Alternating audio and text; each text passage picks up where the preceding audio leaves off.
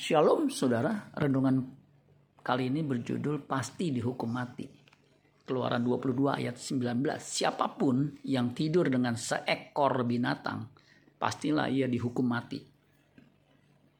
Melalui Musa, Allah menyatakan hukumnya. Itulah yang disebut hukum Musa atau hukum Taurat. Inti hukum Taurat ada 10, Keluaran 20 ayat 1 sampai 17.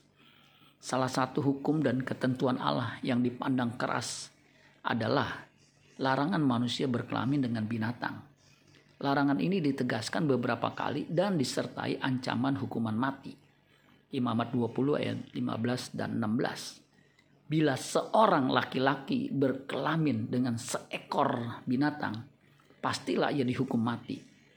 Dan binatang itu pun harus kamu bunuh juga bila seorang perempuan menghampiri binatang apa pun untuk berkelamin, haruslah kau bunuh perempuan dan binatang itu.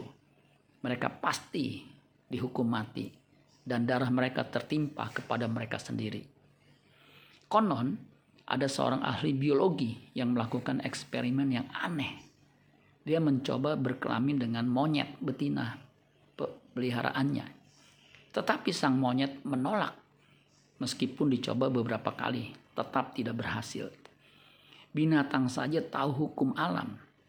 Kenapa manusia tidak?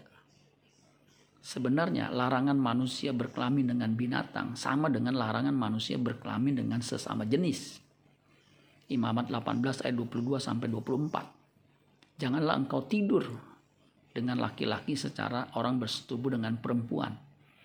Karena itu suatu kekejian Janganlah engkau berkelamin dengan binatang apa pun sehingga engkau menjadi najis dengan binatang itu.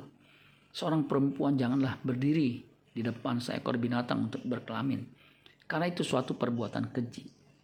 Janganlah kamu menajiskan dirimu dengan semuanya itu sebab dengan semuanya itu bangsa-bangsa akan kuhalaukan dari depanmu telah menjadi najis.